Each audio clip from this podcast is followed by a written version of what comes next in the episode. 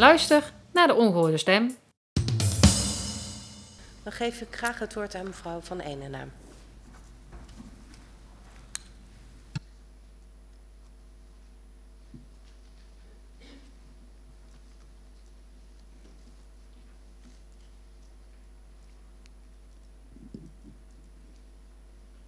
Voorzitter, in het laatste jaar van deze bestuursperiode kijken we terug op een bewogen en instabiele periode, zowel politiek als maatschappelijk. Eén partij is uit de coalitie gestapt en er zijn meerdere wethouders vertrokken. Daarnaast zit de gemeente Dongen in financieel zwaar weer. Moeilijke dossiers zijn positief afgesloten, zoals bijvoorbeeld TUF. Maar er blijven onweerswolken boven de gemeente hangen. En dat is geen fijne uitgangspositie, wetende dat corona voor onze inwoners en organisaties zo'n grote impact had en heeft. Want de coronacrisis is nog niet voorbij. Dat bleek tijdens de persconferentie van afgelopen dinsdag nog maar eens heel duidelijk. Juist nu is het belangrijk dat we politiek en als inwoners naar elkaar blijven omzien. Dat we moeilijke beslissingen niet uit de weg gaan. Dat er ruimte moet zijn voor tegengestelde belangen waarbij respect en een open dialoog het uitgangspunt is. En waarbij je bij tegenslag toch doorgaat. Hierbij heeft de politiek een belangrijke voorbeeldfunctie. Afgelopen jaar is hard gewerkt, discipline getoond en is verantwoordelijkheid genomen om ondanks de coronacrisis de financiën op orde te krijgen. Allereerst veel dank aan de ambtelijke organisatie die een leesbare begroting aan ons heeft voorgelegd. We kunnen constateren dat we een sluitende begroting hebben. In de gemeente Dongen is aandacht voor het thema eenzaamheid.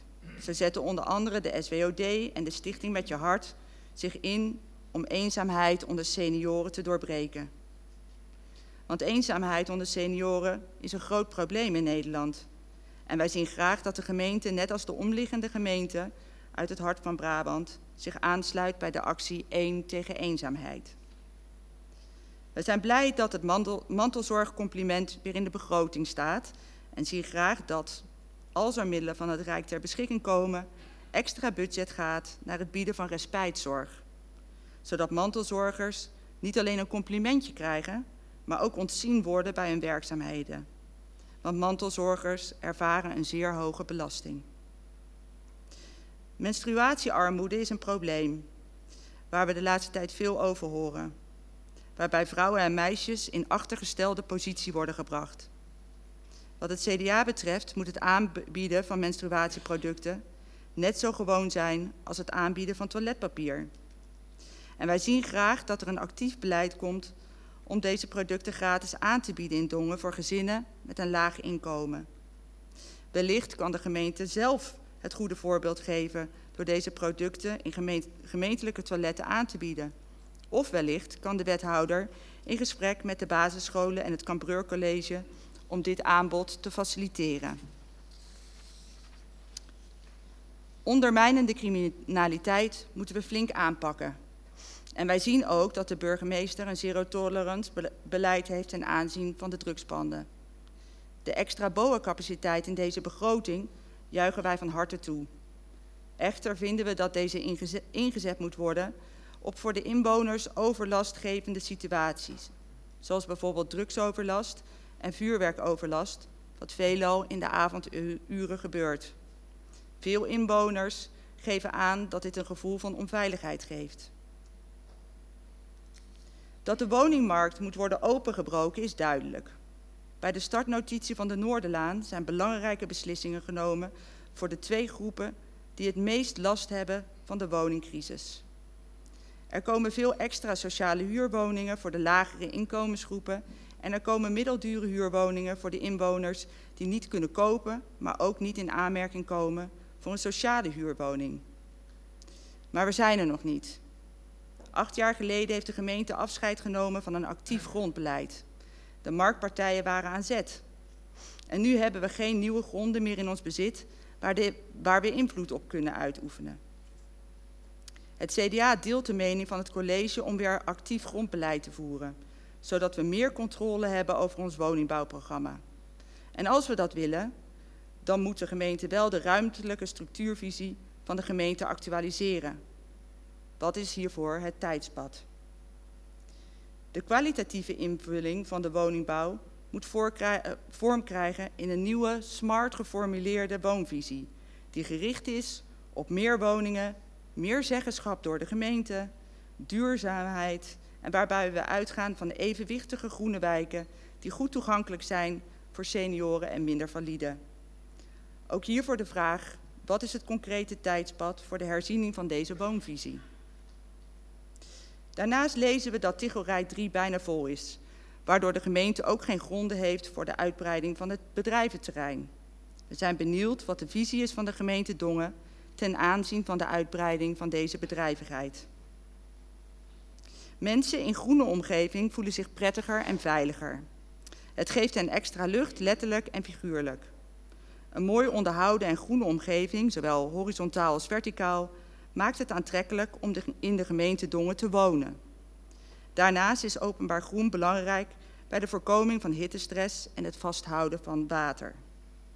Het CDA ziet de bomen de afgelopen jaren verdwijnen en vervangen worden door goedkopere struiken en grasperken.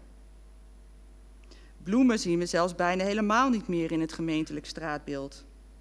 De gemeente Dongen kan zelf het beste voorbeeld geven als grootste bomenkapper binnen onze gemeentegrenzen. Het CDA wil onze groene uitstraling uitbreiden en veel beter beschermen. Het CDA wil een herplanplicht voor de bomen op de gemeentelijke grond met een diameter groter dan 63 centimeter. Ondanks dat er dit jaar geen onderzoek is geweest, zien wij door middel van observatie kwaliteitsniveaus en meerdere meldingen en klachten vanuit inwoners dat in Dongen het onderhoudsniveau achterblijft bij het gewenste kwaliteitsniveau. Zo ervaren inwoners onder andere te veel onkruid tussen tegels en stoepen.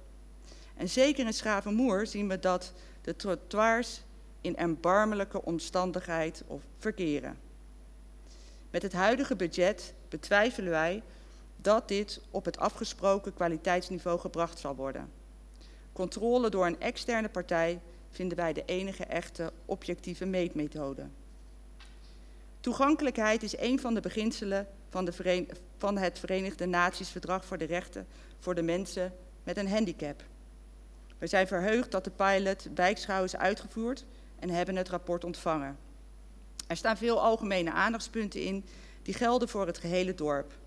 Deze aandachtspunten kunnen wat ons betreft voor nieuwbouwlocaties direct worden doorgevoerd. We zouden graag zien dat Dongen de prijs in de wacht zou slepen om de meest toegankelijke gemeente van Nederland te worden. Een begin kan gemaakt worden om onze wijken toegankelijker te maken. We zien dat er in de begroting nog geen stelpost is opgenomen om de gesignaleerde knelpunten aan te pakken. Het gaat hoe dan ook geld kosten. Hoe ga je dit dan betalen? De speeltoestellen zijn verouderd en verschraald. We maken onvoldoende gebruik van Europese subsidies om speeltoestellen voor alle leeftijden aan te trekken. Juist als het budget van de gemeente onvoldoende is, moet je externe bronnen aanboren. De inwoners ervaren overlast met ongedierte. Het CDA wil dat in de maanden zonder R plus september het GFT-afval wekelijks zal worden opgehaald. Maar wellicht heeft het college een andere oplossing om de overlast voor de inwoners te beperken. Daarnaast merken we op dat er geen incontinentiecontainer bij Dongerpark is. En we zouden graag zien dat die daar ook beschikbaar is. We kunnen akkoord gaan met het kunstrasveld van VV Dongen. Wel willen we speciaal aandacht vragen voor de communicatie in de media over het Hertog Jamveld. Tijdens de behandelingen in de raad is door de wethouder toegezegd dat het pad open blijft voor bewoners. We willen daarnaast benadrukken dat het openhouden van dit pad expliciet is opgenomen in de raadsbreed gesteunde motie. Wij willen dan ook met klem verzoeken om deze afspraak als college ook uit te dragen. Voorzitter, het CDA heeft samengevat de volgende aandachtspunten voor deze begroting. Aanbieden van respijtzorg voor mantelzorgers. Onderzoek naar het gratis aanbieden van menstruatieproducten. extra BOA-capaciteit, onder andere inzetten voor vuurwerkoverlast en drugsoverlast. Actualiseren van de ruimtelijke structuurvisie, waarbij actief grondbeleid het uitgangspunt is, zodat we meer woningen kunnen bouwen. Een herplantplicht voor gemeentelijke bomen met een diameter van meer dan 63 centimeter. Het onderhoudsniveau te realiseren. Een budget voor het aanpakken van de knelpunten voor de wijkschouw. Europese subsidies aanboren voor speeltoestellen in de openbare ruimte. De GFT-container vaker ophalen. En het pad bij het Hertog Janveld openlaten voor de buurtbewoners. Tot zover.